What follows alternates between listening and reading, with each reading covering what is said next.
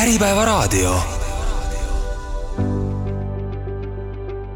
tervisetark. Eesti inimeste tervise nimel pingutab Teva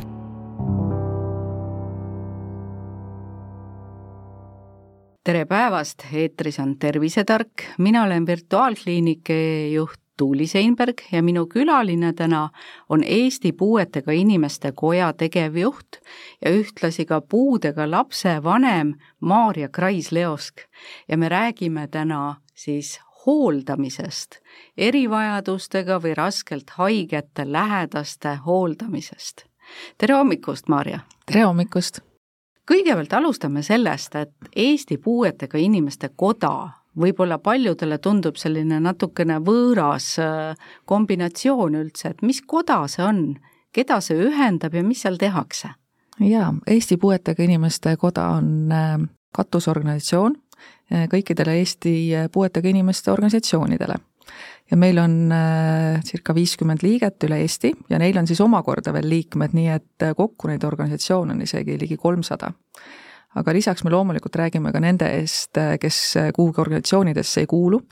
sest see on loomulik tänapäeval, et võib-olla enam nii palju ei võrgustuta äh, nii-öelda organisatsioonide tasemel, et leitakse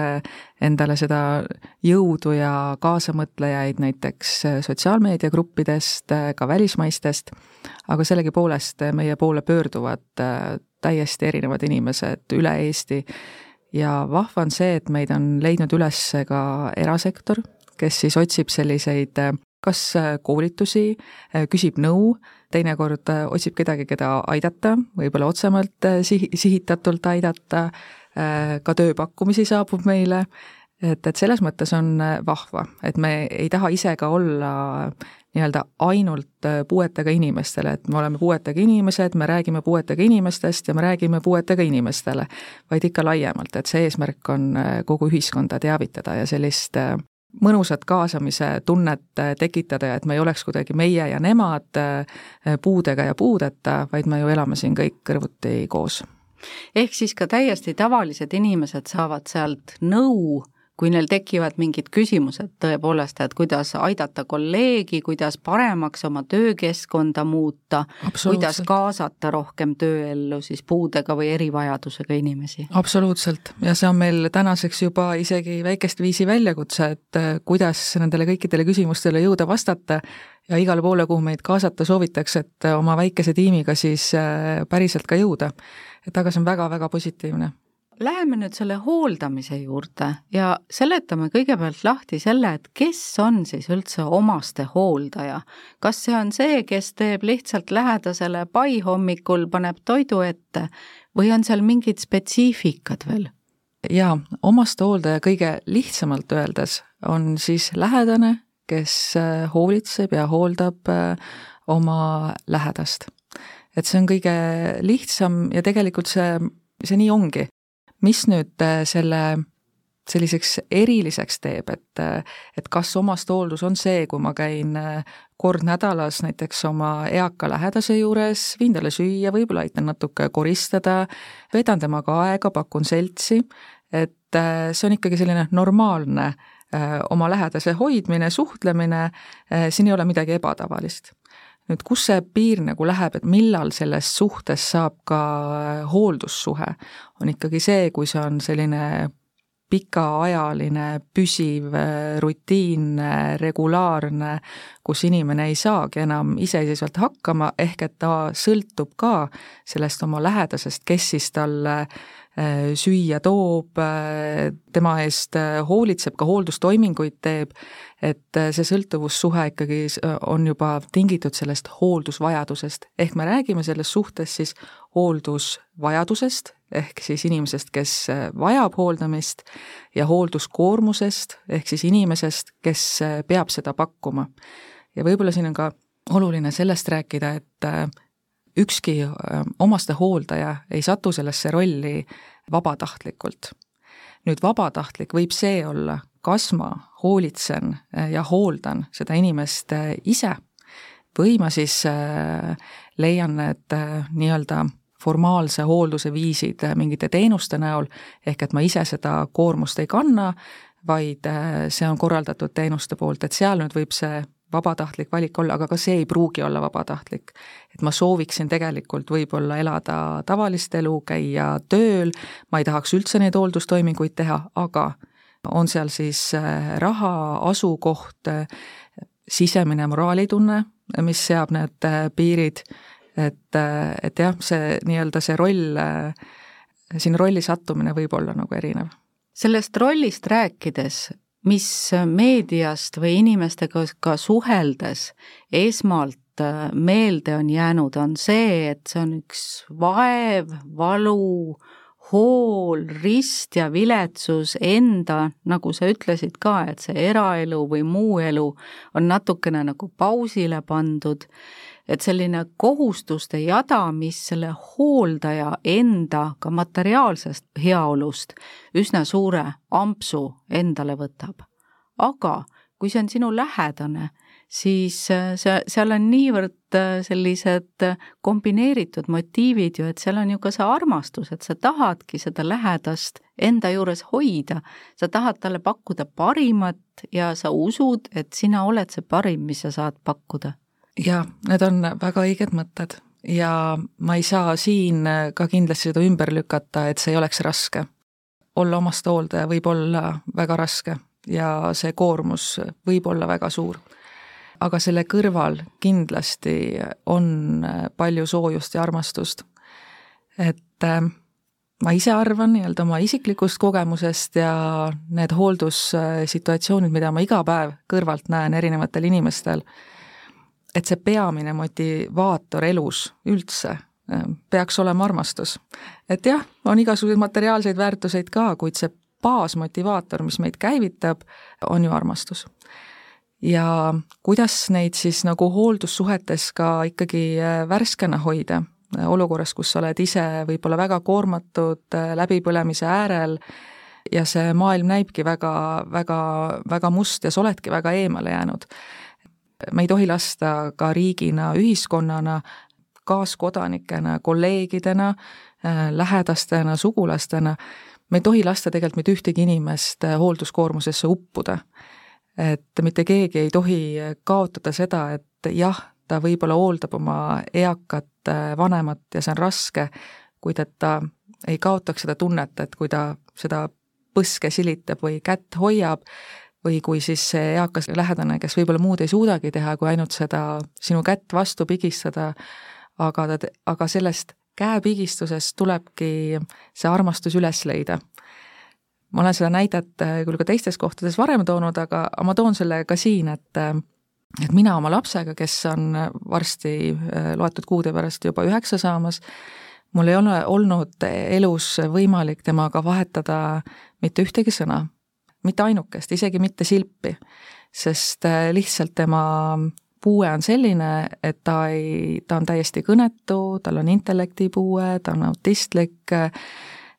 minul neid erivajadusi ei ole ja seega see on minu kohustus eh, siis iseendale leida tema käitumisest need hetked, kus siis tema mulle armastust väljendab. ja see võib-olla niisugune armas näide, et kui õhtuti eh, oma lapsele head ööd soovin, ta korraks kaisu võtan, kallistan ja hakkan ära minema ja kui tema võtab oma käe ja paneb selle, võtab minu käe ja paneb selle endale ümber, siis ma võtan endale alati selle hetke, et ma mõtlen mis selle taga võis praegu olla, kas ta ütles mulle täna sellega, et emme, ära mine, nii hea on su kaisus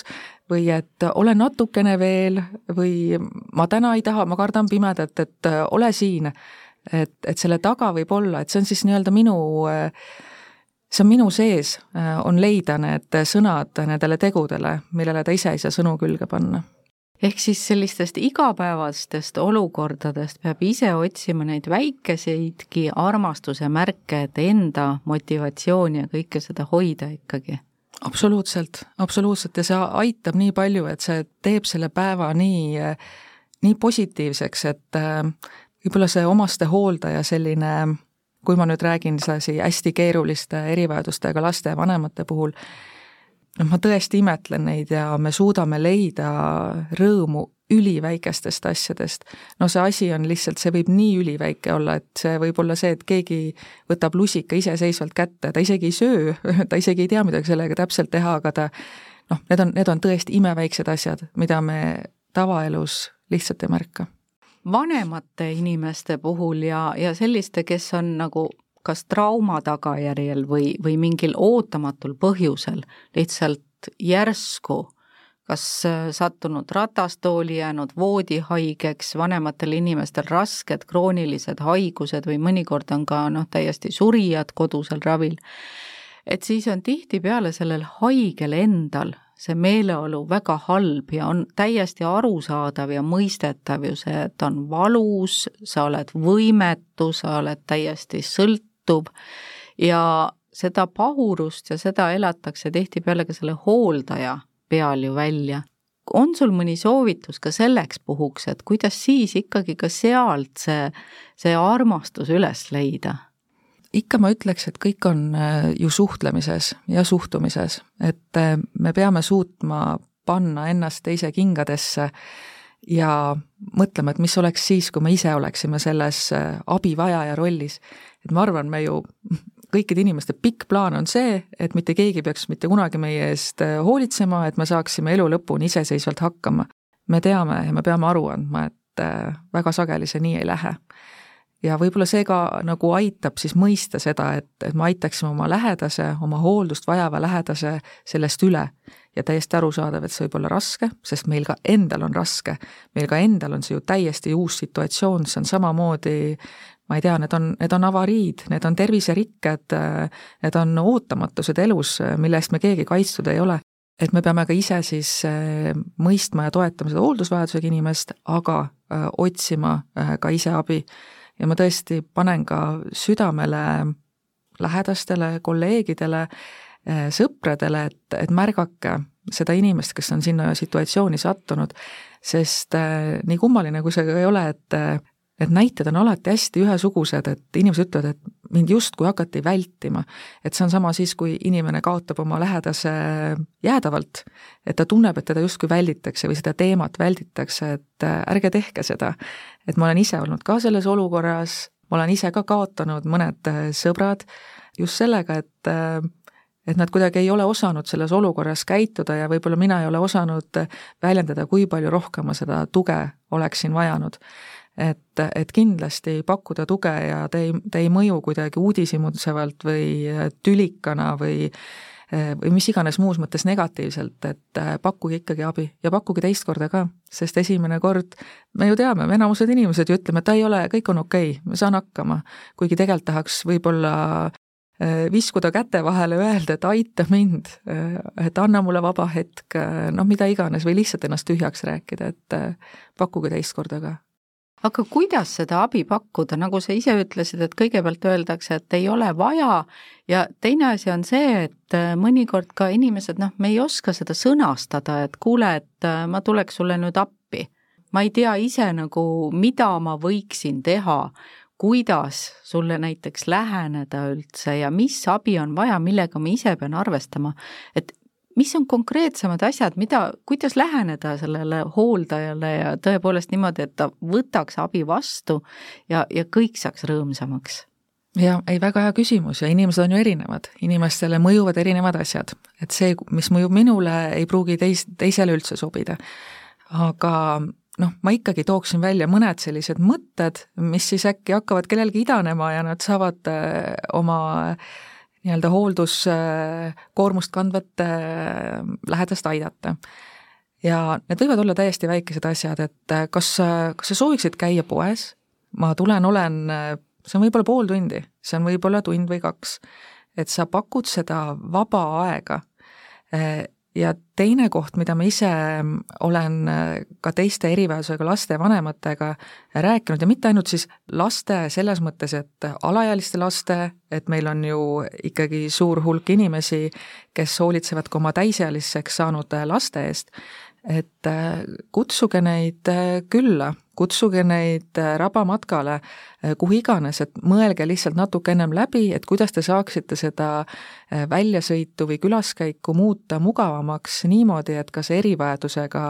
lähedane saab kaasa tulla. et uskuge mind, see on inimestele ääretult, ääretult oluline, sest Nad muidu tunnevad, et ma justkui saan ainult kas külalisi võõrustada oma kodus või kui see siis ei ole kodus ka võimalik, siis ma nagu ei saagi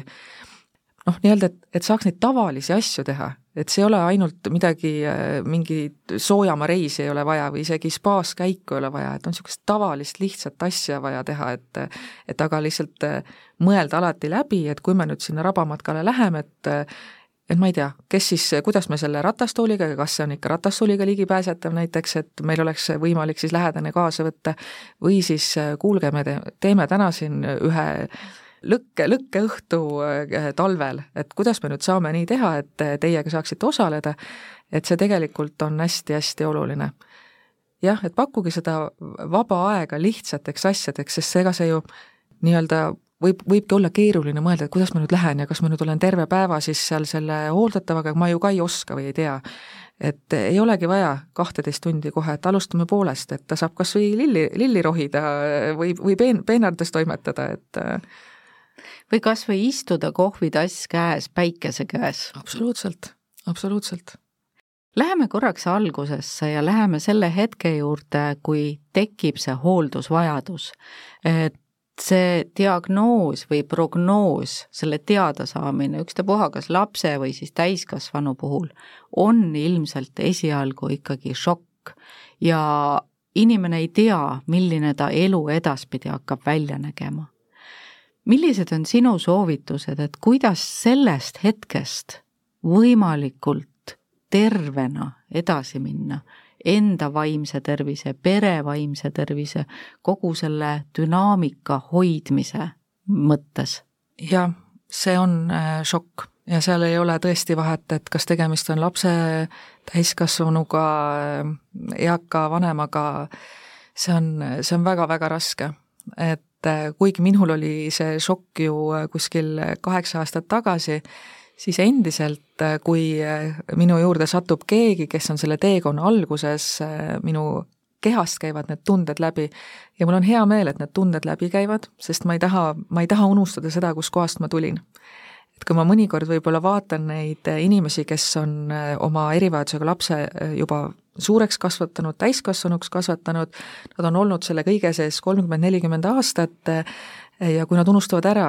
et need, kes on alguses, et, et nemad on, nad on väga raskes situatsioonis, et see ei ole nii, et noh, mis see siis ära pole. et see on ikkagi kogu elu ümbermõtestamine ja ei tasu nagu ei tasu ka seda nagu öelda, et noh, küll kõik nagu muutub ja, ja harjud ära ja see ongi tavaline, et ei, et see on ikkagi, need on piirid, sul on äh, nii-öelda takistused, aga neid on võimalik siis äh, vähendada. Äh, ja mis on minu esimene soovitus, on see, et ärge jääge üksi, ärge äh, nii-öelda kapselduge sest seda on, seda on kõige lihtsam teha ka mina tegin seda tegin seda mitu head kuud jutti, sest et see oli lihtsalt, see šokk oli nii suur ja et sellega toime tulla, meil ei ole antud kaasa neid eh, mehhanisme, et sellega koheselt toime tulla ja aga see on võimalik, et mina tahan täna lihtsalt kõikidele öelda, kes te olete selle teekonna alguses või ke-, või kui teil on praegu väga raske aeg, et äh, suhelge ärge, ärge olge üksi, ärge olge nelja seina vahel, käige väljas. mida kauem te olete oma hooldust vajava lähedasega ainult nelja seina vahel, seda raskem on välja tulla. et eh, seetõttu noh, ma väga palju julgustan lapsevanemaid, kelle lapsed on ka kõnetud intellektipuudega, ainsaks väljendusviisiks võib olla kiljumine, kilkamine, kisamine, ka nutt, et ikka minge eh, mänguväljakule ja minge poodi, Äh, et käige, käige igal pool, sest et muidu te jääte ja, ja mida suuremaks laps saab, seda raskem on nii teil, lapsel, kui ka tegelikult selles mõttes ühiskonnal või teie kogukonnal, et nad ei olegi harjunud, aga uskuge mind, nad harjuvad üli, ülihästi, omast kogemusest kinnitan, et et ma ei tunne oma küla, külas või ale, alevis siis liikudes mitte mingeid probleeme. ja, ja võib-olla siit sedasi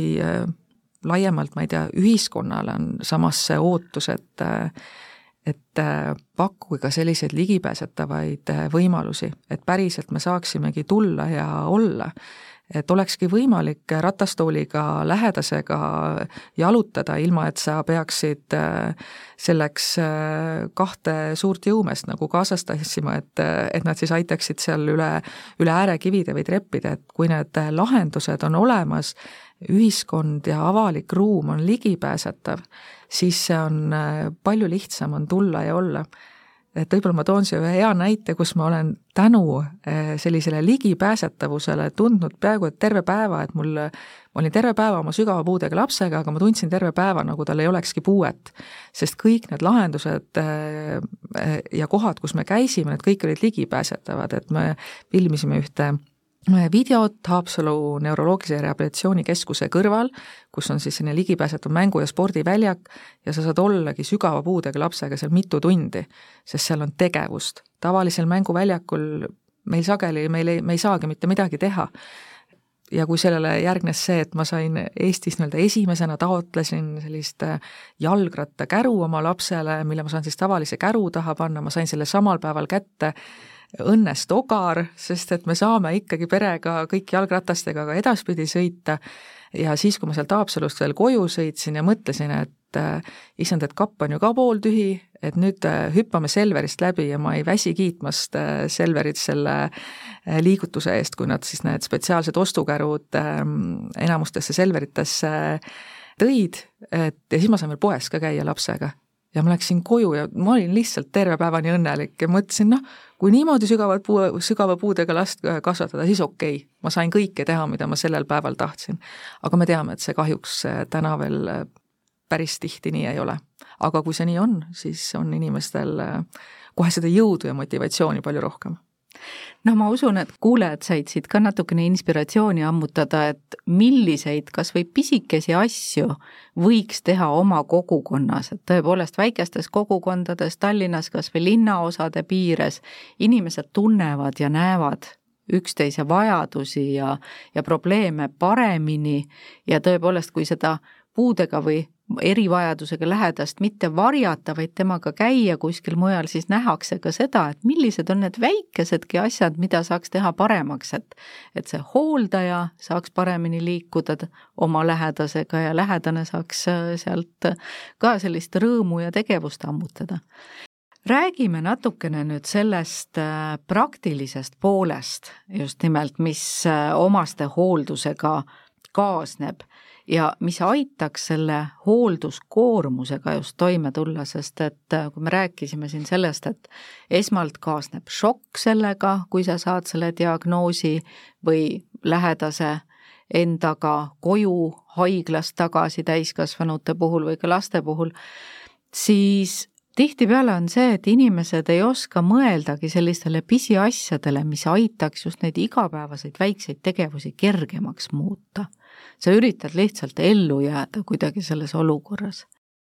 mis on need asjad, mis tuleks läbi mõelda üldse, kuidas see igapäevane elu ja see igapäevane hooldusprotseduuride tegemine enda jaoks võimalikult lihtsaks teha, kust saab abi? mina soovitan kindlasti esimese asjana pöörduda oma kohaliku omavalitsuse poole mitte midagi ei tasu karta, mitte mingisuguseid äh, kuulujutte või hirmujutte ei tasu äh, endale nii-öelda ligi lasta, et äh, ikka tegelikult kohalik omavalitsus on see, kust peaks esimese nõu ja abi saama ka. ja, ja siinkohal ma tahan kindlasti kõikidele südamele panna, et kui teile esimene kord võib-olla te ei saa täpselt seda abi, mida te soovisite või mõtlesite või vajate, küsige teinekord ka ja vajadusel ka vaielge et äh, see võib-olla ei ole väga selline esimese hooga kohe motiveeriv, et kui ma juba räägin vaidlemisest, äh, aga, aga ma lihtsalt tahan teile öelda, et äh, iga, iga ei ei ole tegelikult ei, et see kasvab ka äh, teie sees selle ajaga, et te saate aru ikkagi, et millised on need teie pere vajadused. ja kui te tunnete, et see pakutav abi ei vasta teie pere vajadustele ja te vajate kas midagi muud või, või rohkem või erinevas kohas või mahus või ajal, siis sellest tuleb koheselt ka teada anda. ja ma kindlasti julgustan mitte mitte võtma ja jätma kogu hoolduskoormust ainult iseendale. see, et olete omastehooldaja, ei tähenda seda, et kakskümmend neli seitse peate ainult ise siis äh, hooldama. et äh, väga lihtne ka minul, minu abikaasal, et äh, kui laps on koolis, siis sellel hetkel meil ju omaste hoolduse nii-öelda vahetut koormust ei ole, me saame mõlemad käia tööl. ja samamoodi ärge mõelge seda, et ainuke asi, milleks, mille jaoks teil on õigus lisaabi saada, on see, et te peaksite saama käia tööl. ei, teil on veel elu. Et ega te ei käi ju iga õhtu teatris, kinos ja kohvikus või sõpradega kohtumas, võib-olla on seda paar korda kuus, võib-olla kord kuus, aga ka selle jaoks on teil õigus saada hoiuabi. et te nii-öelda ei jääks ise nagu ainult selle kodu ja töö rattasse, mis tegelikult tähendab ju seda, et te tulete koju ja teil hakkab uuesti äh, täistööpäev ja võib-olla ka täistöööö. et äh, tean väga hästi, mida tähendab äh, magamatus ja pidev, pidev ärkamine just siis erivajaduste tõttu. et, et see ei pea sugugi nii olema. ja julgelt küsida, sest noh, niimoodi paraku on, et, et see, et see, kes ei küsi ja kes häält ei tee ja kelle häält pole kuulda, siis tema häält ei olegi kuulda, et kandikul nagu ei pakuta. et ikka tuleb ise enda eest, enda eest julgelt seista. ja siin samamoodi, kui te ei ole päris kindlad, et mida siis täpselt te võiksite vajada, võite helistada Eesti Puuetega Inimeste Kotta, võite meile kirjutada, võite küsida kohalikest puuetega inimeste kodadest, mis on igas maakonnas olemas, küsige teistelt omastehooldajatelt äh, kogemusnõustamiselt, mik-, miks mitte, et, äh, et te leiate ise siis selle, mis just teie perele vajalik on ja, ja, ja mida võib-olla teie kogukonnas praegu ei pakuta, aga see oleks võimalik sinna tekitada või leida üks probleem, mis on eriti vanematel inimestel, kes on siis hooldatava rolli sattunud, on see, et nad ei taha enda juurde kedagi võõrast. et seal on mingid hirmud, seal on mingi ebamugavustunne, häbitunne tihtipeale. kuidas sellega toime tulla? kuidas selgitada sellele hooldatavale, et, et kallis ema või isa, et ma tahan nüüd minna teatrisse sõpradega? Jaa, aga tulebki suhelda ja tulebki rääkida ja võibki olla piinlikkuse tunne algul, esiti. aga ma usun, et enamus inimesi tegelikult mõistab seda, ega nad tegelikult ei soovi, et keegi oleks nii-öelda nagu vangis äh, nende tõttu või koos nendega, et et ikka suhelda, suhelda, suhelda ja äh, Tartu Tervishoiu Kõrgkool on äh, praegu tegemas äh, ka omastehooldajaid koolitamas, et äh, ja muuhulgas siis ka, kuidas siis suhelda hooldusvajadusega inimesega ja kuidas ennast säästa, seal on kõikvõimalikud hooldusvõtted, et keda puudutab siis täisealiste hooldus täna ja kodune hooldus, siis www.hoolides ja hoolitsedes.ee et saate sealt kindlasti häid nippe ja mõtteid, et lihtsalt kirjutatud, et ei, ei ole mingi paks pulla, mida peaks läbi põhjalikult töötama. ja me ise loodame siis puuetega inimeste kojaga suveks saada valmis omastehooldajatele mõeldud veebilehte, ja ei, see ei ole lihtsalt järjekordne veebileht, vaid me tõesti sinna juurde paneme ka telefoninumbri, et oleks võimalik helistada ka ja vahetut nõu küsida, paneme sinna nii-öelda äh, chati või sellise jututamise akna, et oleks võimalik ka küsida, kui võib-olla ei julge helistada või, äh, või, või on sellel hetkel öine tund, aga teil on see küsimus, et te saate selle meile jätta. Ja seal me just mõtleme ka hooldusvajadusega inimesele, et teeme täiesti eraldi rubriigi, et arvestada sellega, et me ei räägi ainult omaste hooldajatest, vaid ka nendest, kes vajavad, nende ähm, vaimsest tervisest, nende füüsilisest tervisest, nende suhetest, et aidata neid samamoodi, neid äh, läbi mõtestada me juba läksime otsapidi selle vaimse tervise teema peale ja üks oluline asi, mis meil ka eelmises pooltunnis siit teemana läbi lipsas, on see läbipõlemine. ja omastehoolduses on tihtipeale see, et sa ei tunne ära seda hetke tegelikult, kus see läbipõlemine ligi hiilib. ja see algab niimoodi märkamatult, just nimelt seda igapäevast armastust jääb nagu vähemaks ja sa hakkad nähvama võib-olla, halvasti ütlema, sa muutud kas või inimese siis sellisel puudutamisel nendel protseduuridel kuidagi rohmakaks ja teed talle natukene võib-olla kogemata haiget. aru andmata endale, et tegelikult nüüd on asjad juba käest ära. Kuidas sellist hetke ennetada, kuidas nagu seda läbipõlemist omastehoolduses vältida? jaa, see on väga oluline teema, mida sa praegu välja tõid ja väga oluline on ka sellest rääkida. et, et ma väga austan neid inimesi, kes on seda ka televisioonis näiteks välja öelnud, et jah, ma olengi lä-, nähvanud, jah, ma olengi olnud juba ebaviisakas ja seda kõike annab tegelikult vältida sellega, millest me rääkisime, kui me juba võimalikult varakult äh, otsime ja küsime abi. kui me ei jää nelja seina vahele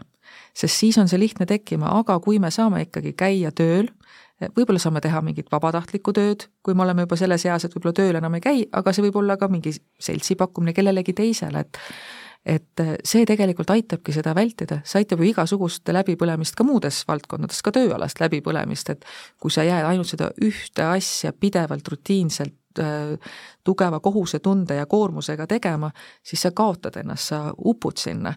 ja seda ei ole vaja. et selleks ma, ongi see põhjus ka, miks ma just nii võib-olla isegi jõuliselt nagu räägin, et küsige abi ja võtke ka abi vastu. et, et siis sellega me saame vältida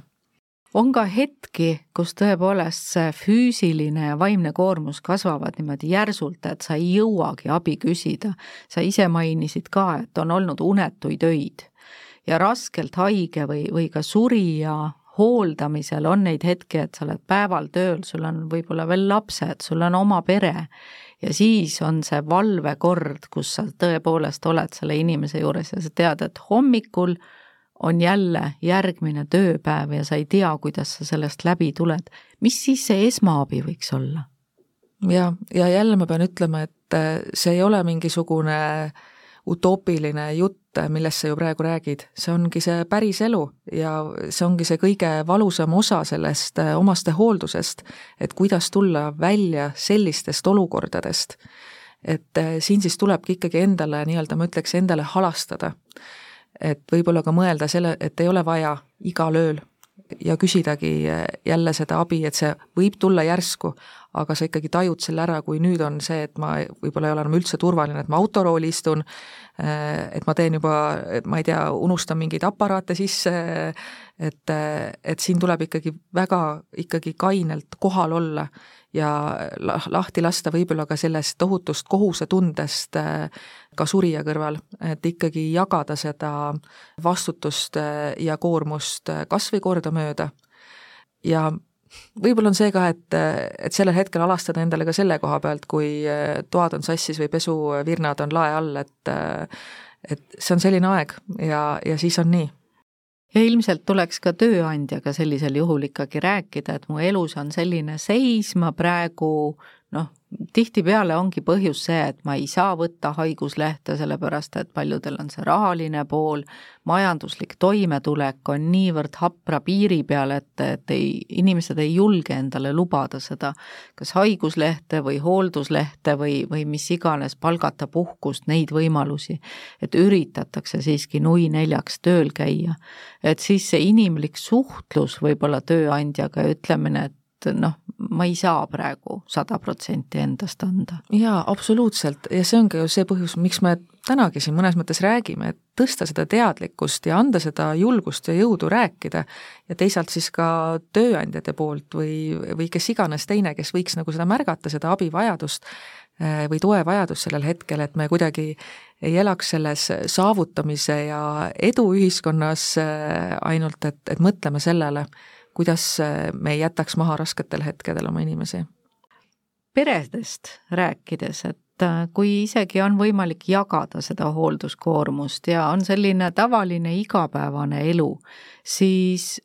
kuidas see peredünaamika hakkab toimima, kui peres on ka lapsed ja näiteks sul on laps, üks lastest on erivajadusega, siis äh, kuidas see mõjutab lapsi, kuidas see mõjutab neid peresuhteid tegelikult, kas seal on nagu ka selline, et oh, vaesekesed või tegelikult on see, et lapsed saavad mingisuguse väga vajaliku ja hea kogemuse sealt? Jaa, peredünaamika kindlasti muutub, et äh, olgu see erivajadusega lapse sünd, olgu see elu jooksul tekkinud erivajadus, olgu see eakas, kes siis vajab hooldust, peredünaamika muutub. ja, ja kindlasti on oluline teadvustada, et äh, peres ei ole ainult siis erivajadusega laps või täiskasvanu, vaid on ka teised ja jälle jõuame selleni, me saame seda kõike pakkuda siis, kui me võtame abi vastu ja kui me küsime abi ja anname oma vajadustest märku. Lapsed jaa, ma tõesti võin kinnitada, ma näen oma siis kahe äh, lapse pealt, äh, kes on siis üks vanem erivajadusega lapsest, teine noorem,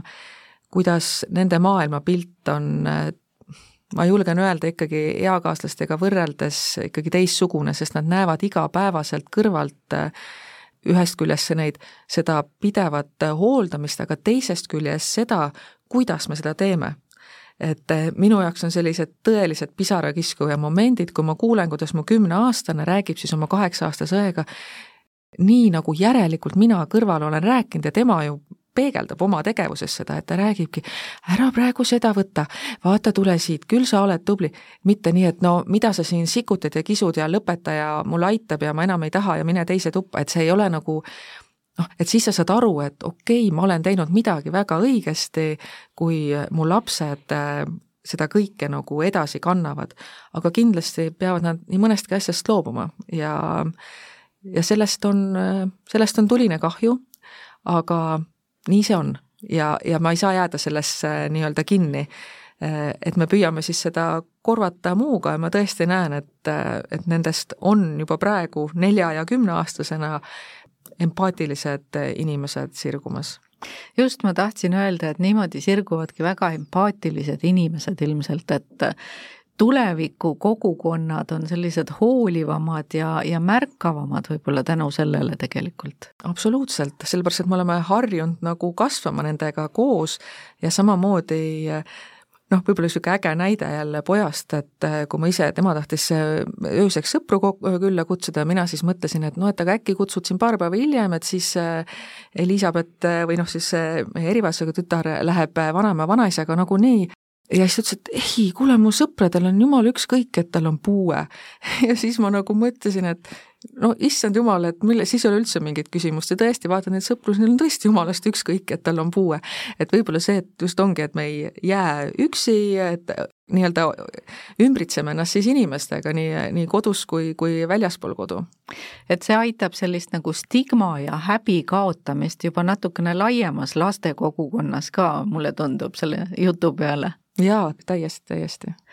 Üks teema, me rääkisime siin praegu lastest, aga üks teema veel on paarisuhe